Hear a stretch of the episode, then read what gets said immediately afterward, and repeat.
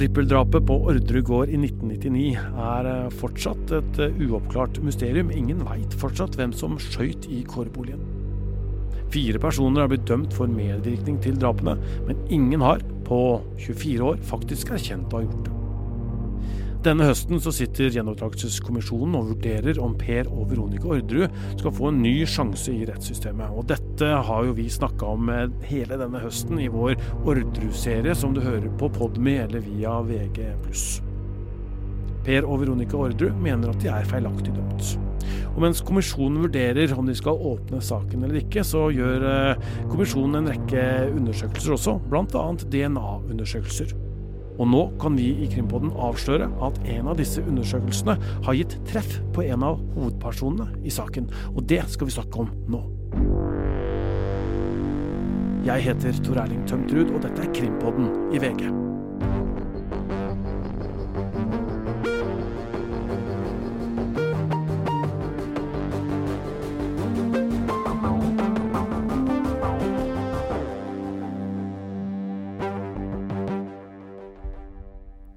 Altså da i mai i 1999, for over 24 år siden, så mista Christian og Marie Orderud, sammen med deres datter Anne Orderud Paust, livet hjemme på kårboligen på Orderud gård. Men året før så var det noen skremmende attentatforsøk eh, på Skillebekk i Oslo, der Anne Orderud Paust og hennes ektemann Per Paust ble utsatt for attentatforsøk, Øystein. Og det, det er jo disse forsøkene her dette her skal handle om. Ja, det stemmer. Det var jo først et attentatforsøk 15.07.1998. Da skulle Anne Ordre Paust og mannen Per Paust på jobb.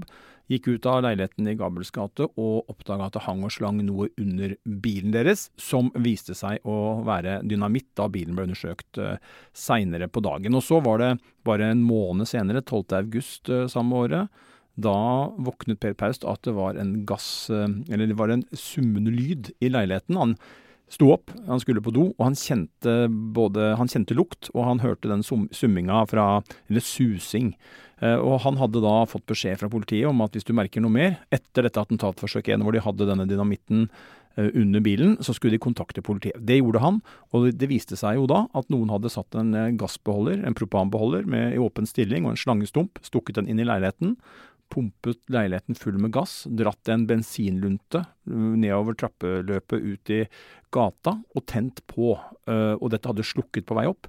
Eh, men man slo jo fast at dette var tilfeldigheter fra en stor, stor katastrofe. Det første attentatforsøket var ikke så farlig, for der var det ikke noe tennmekanisme på dynamitten. Så det var ganske stor forskjell på, på hvor ja, farepotensialet de to.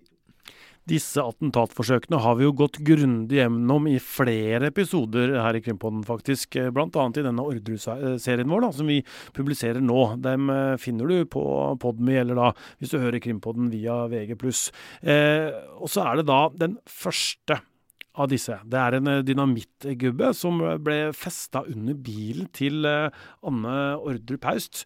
Eh, men den gikk jo ikke av, som du sier, for var, det var ikke noe fenghet i den. ble undersøkt. da. Det kom jo bombeskåden til politiet, kom og sjekka det og sånn. Det var full alarm, og dette var jo Forsvarsdepartementet utafor parkeringsplassen i Myntgata.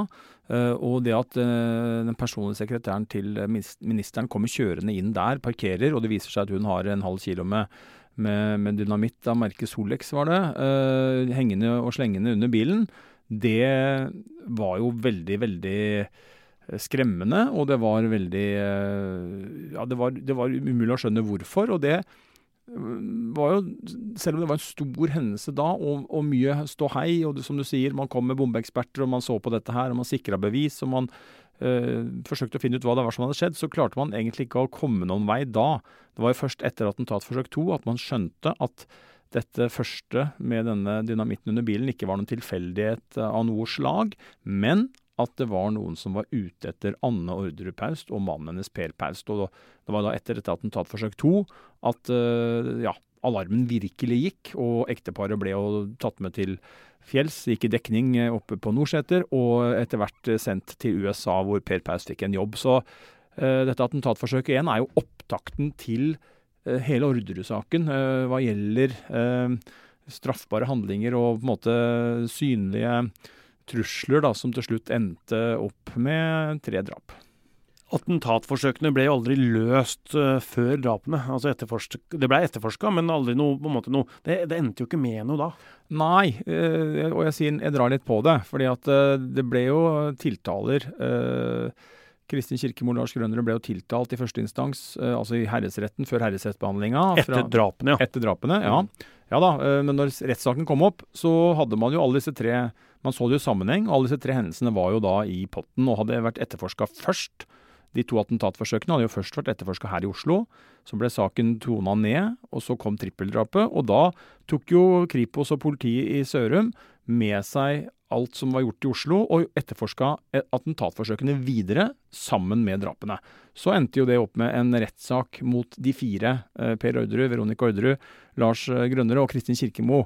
Eh, og eh, Forut for den rettssaken så ble det tatt ut en tiltalebeslutning. og Det var da for medvirkning til overlagt drap på alle fire. Og så ble i tillegg Grønnere og Kirkemo tiltalt for dette første attentatforsøket. Så ble Grønnere frikjent. Eh, Kirkemo ble, ble dømt. Uh, og så kom det en ny runde i lagmannsretten. Da droppa påtalemyndigheten å fremme anklagene mot Grønnerød, så vidt jeg husker. Men Kirkemo hadde de fortsatt en tiltale mot, men hun ble da frikjent i, av juryen i lagmannsretten. Uh, og så Sånn sett så er jo denne Den har jo vært um, Påtalemyndigheten har hatt sin oppfatning av, av, av det der, men man har, fikk ikke noen dom. Og som du da sier, så har den vært uløst og per definisjon uh, altså per definisjon vært uløst, ja. Så må vi huske det at uh, Påtalemyndigheten og politiet mener jo da at motivet for, for drapene, og også disse attentatforsøkene, uh, var denne gårdskonflikten som hang over uh, Ordregård. Der, der kort fortalt far og sønn var uenige om kjøpsum, bl.a. om, om gården. Og dette var jo den gårdskonflikten som vi har snakka mye om i denne Orderud-serien, som, som, da de mener er motivet for dette. Ja, det er riktig. Det var jo bakgrunnen for den rettssaken. Og påtalemyndigheten så jo da disse attentatforsøkene i sammenheng med drapene. Uh, og så hadde jo forsvarerne til da særlig uh, Veronica Orderud og Per Orderud andre oppfatninger av uh, hvordan man skulle se disse tre hendelsene uh, i sammenheng, eller eventuelt hver for seg. Og så er det jo da disse undersøkelsene som er blitt gjort nå, i forbindelse med at uh, denne saken er begjært gjenopptatt. Og da gjør Gjenopptakelseskommisjonen noen, noen, egne undersøkelser.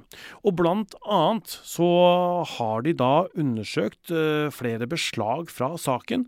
Uh, og, og, der i denne beslagsboksen så, så, lå det noen teipbiter som ble funnet på denne dynamittgubba som, som hang under bilen til Anne Ordrup Haust. Og det er der det har kommet treff nå, eh, på DNA-treff på disse teipbitene, som matcher DNA-et til Kristin Kirkemo.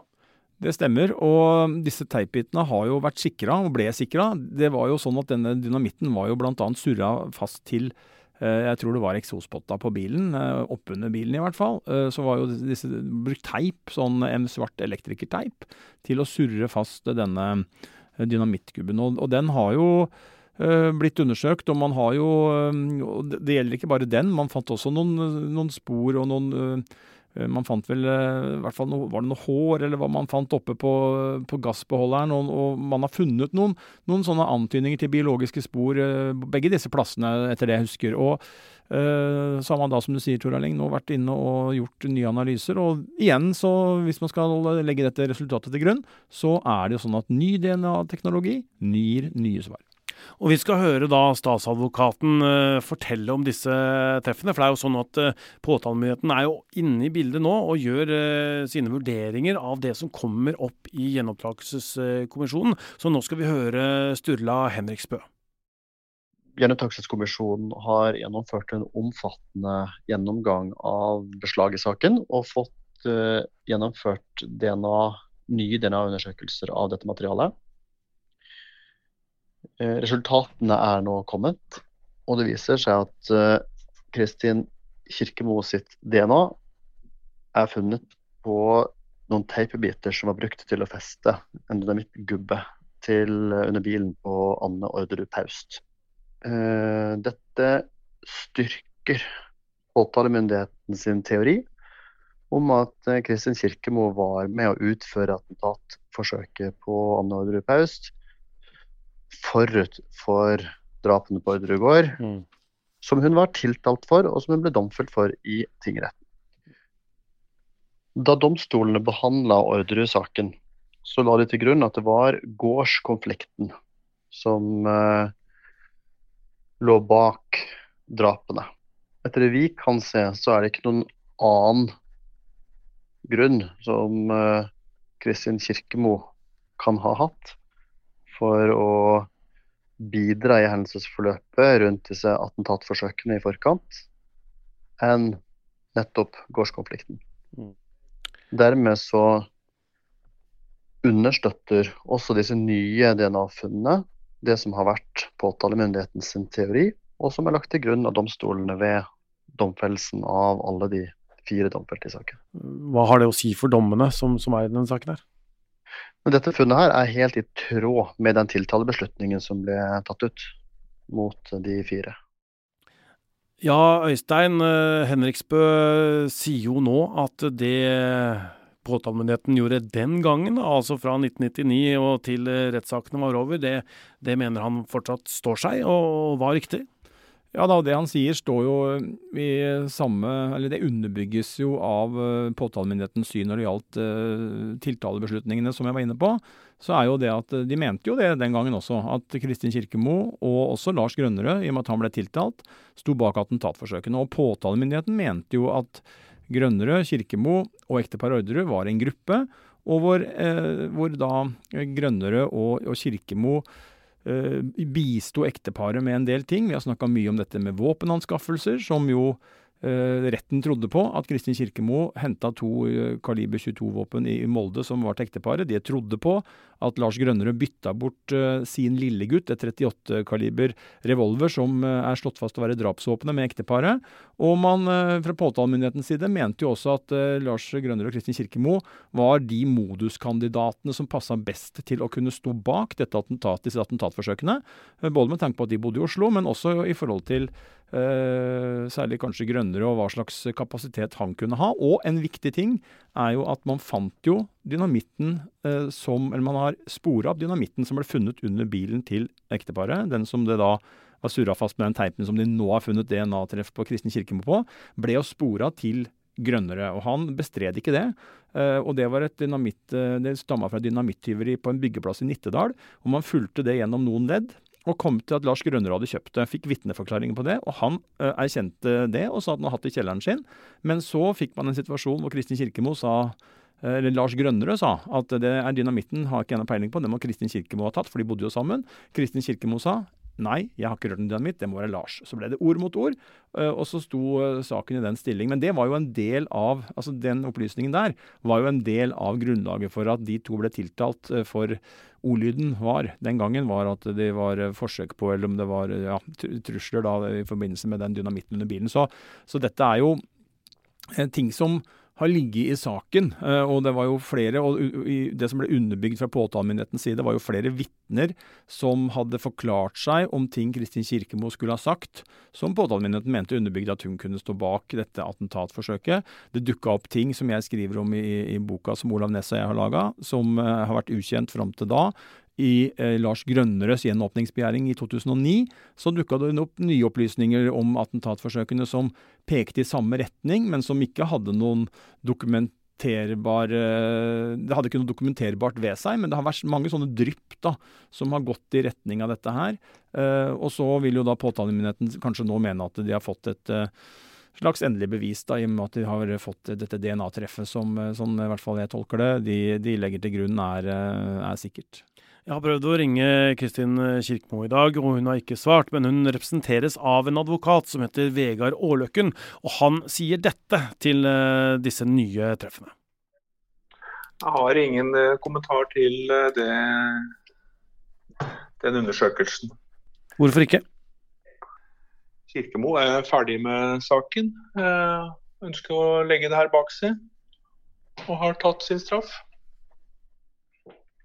Hvordan ser du på dette da, eh, når det har kommet opp en begjæring om gjenåpning, eh, og det kommer et sånn type treff? Hvordan eh, ser du på det? Nei, jeg har vel ikke tenkt på det i særlig grad knytta til den gjenåpningssaken. Det er jo ikke min klient som har bedt om at den skal gjenåpnes. Det er noen andre som har gjort det. Kirkemo er som nevnt ferdig med saken. Hun har ikke villet uh, latt seg avhøre av kommisjonen i forbindelse med denne begjæringen. Hvorfor ikke det? Nei, det er litt uh, det samme som jeg allerede har vært inne på. At hun uh, er ferdig med, med, saken, har tatt straffen. Og det er jo 23 år siden det skjedde nå. Ja, Kristin Kirkemo har ikke villet la seg avhøre av eh, kommisjonen, og har ingen kommentarer til dette her. Hun, han sier jo da at hun har sona sin straff og prøver å legge dette her bak seg. Tror du at, at eh, påtalemyndigheten nå vil gjenåpne saken for Kristin Kirkemo sin ugunst? Nei. Eh, nå har jeg ikke rekke å sjekke engang om det helt tatt er mulig, men det tviler jeg på. For den tiltalebeslutningen var jo, som jeg sa, knytta til uh, ja, trusler, var det som var tiltalt for. Så jeg kan ikke tenke meg at det er, tror ikke det er en aktuell problemstilling overhodet. så den tror jeg er lagt død. Så da har det ikke noe å si liksom, for, for, saken at det kommer DNA-treff nå, da, for hennes del. Men tror du det har noe å si for denne begjæringen da, som Per og Veronica Orderud har sendt inn? Jeg vil ikke bli overraska om partene, og da tenker jeg på Tore Sandberg og advokatene til ekteparet Orderud, nemlig Arvid Sjødin og Frode Sulland, øh, vil se på dette på en annen måte enn det vi hører Henriksbø gjør. Fordi at nå vet vi ikke all verden om hva Sandberg har anført, men sånn som jeg har forstått det, så eller det har jeg ikke forstått det, det har jo vært et faktum. At man har jo pekt på om Kristin Kirkemo kan ha en, hatt en egen agenda, og har pekt i retning av miljøet hun var en del av den gangen osv. Og, så videre, og at, uh, at ikke det var ekteparet Ordre og, og, deres gårdskonflikt som var det bakenforliggende motivet for drapene, men at det ligger en løsning uh, via Kristin Kirkemo, men ikke i retning av ekteparet, men i en annen retning. Og det er klart, um, sånn sett så vil jo sikkert, uh, tror jeg, de tenke at dette ikke er noen Eh, noen dårlig nyhet. Eh, jeg har oppfatter at de har pekt eh, mot Kristin Kirkemo hele veien. Og, og, derfor så tenker jeg at her kommer det til å bli øyet som ser, da.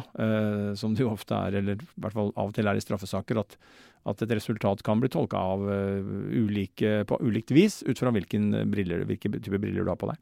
Nå har jo du jobba med denne saken også, Øystein, siden den skjedde i 1999. Og så kommer det på en måte ny informasjon stadig. Eh, hva syns du om det? Nei, jeg har jo hele tida håpa og trodd at det skal være mulig å få frem noe mer informasjon her. Eh, og, og jeg syns det er veldig bra at kommisjonen eh, gjør en så grundig jobb, eh, og tenker at eh, uansett uh, om det endrer noe eller ikke endrer noe, eller hva, hva, det er som uh, man kan trekke ut av det, så er grunnleggende sett all informasjon man kan få, så mange svar man kan få, det, er, det må man bare jobbe for å legge ned ressurser i. og, og så har det jo dukka opp nye, nye, opplysninger nå da om denne, denne, biten. Det er jo kommet nye opplysninger om 180-samtalen som uh, folk kan uh, tolke og, og, tenke noe rundt. og det gjør jo at det, at det, i hvert fall kommer noe. Men klart hovedspørsmålet det gjenstår jo, og det vil stå der til evig tid hvis det ikke blir besvart. Det er jo hvem som var i kårbolien og skjøt. For det er jo det er jo det som er hovedspørsmålet, selvfølgelig. Eh, men, eh, men enn så lenge så, så, får man jo eh, tenker jeg det er bra med alle andre typer svar og opplysninger. Alt som kan kaste lys over dette mysteriet som nærmer seg nå 25 år gammelt, det, det tenker jeg er av det gode. Mm. I uh, hele denne høsten så har jo vi da episoder om Orderud-saken uh, som vi publiserer hver mandag på Podme, uh, eller hvis du hører via VG+. og nå blir det litt blest rundt Orderud-saken igjen, da. Øystein. Det, det er en begjæring om gjenåpning inne hos kommisjonen. Nå får vi nyhetssaker om dette DNA-treffet osv. Så, videre, så Så vi slutter ikke der. Nei, og det viser seg jo at det er veldig stort engasjement rundt denne saken. Nå De siste fem-seks årene så har det kommet en TV-serie. Som jeg vinner på, så har jeg og Olav Næss skrevet en bok. Vi lager en podkastserie. Det er andre som uh, jobber med materiale rundt Orderud-saken. Og det uh, og, og, i tillegg så går det jo da en, uh, på å si, en en offisiell prosess parallelt her som handler om gjenåpningsbegjæring, som har ligget i kommisjonen lenge, da, helt siden 2017, og som nå, etter det vi vet, nærmer seg en slutt. Kanskje kommer man i mål med utredningene nå i løpet av høsten. Kanskje kan kommisjonen begynne, eller ikke begynne, men å ferdigstille behandlinga ja, om det kan skje i år, nå begynner tida å gå fort. Det nærmer seg faktisk eh, snart jul. Men, men i hvert fall tidlig neste år da, vil jo kunne være, tror jeg, et sånt realistisk eh, håp på det. Eh, så det er, det er, jo, alt dette her er jo med på å aktualisere Orderud-saken som den helt, helt unike kriminalsaken den er i norsk rettshistorie, fortsatt etter alle disse årene. Vi skal ta med da at eh, Camilla Silseth, som er leder for Gjenopptakelseskommisjonen, ikke ønsker å kommentere disse opplysningene. Morten Hopperstad og Anne Sofie Mengon Aasgard fra krimgruppa i VG har hjulpet oss med denne episoden, som er laga av Ruth Einvoll Nilsen. Øystein Milli var med. Jeg heter Tor Erling Tømt Ruud. Produsent for Krimpodden er Vilde Worren. Nyhetssjef er Emilie Halltorp. Og sjekk ut eh, ordreserien vår, da, som går på Podmy, Og hvis du hører via VG+, den publiserer vi hver mandag. Det er eh, fem episoder ute nå, og den sjette kommer på mandag.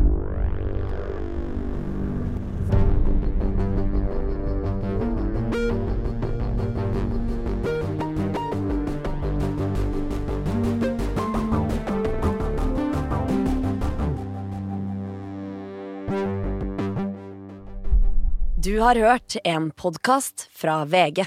Ansvarlig redaktør, Gard Steiro.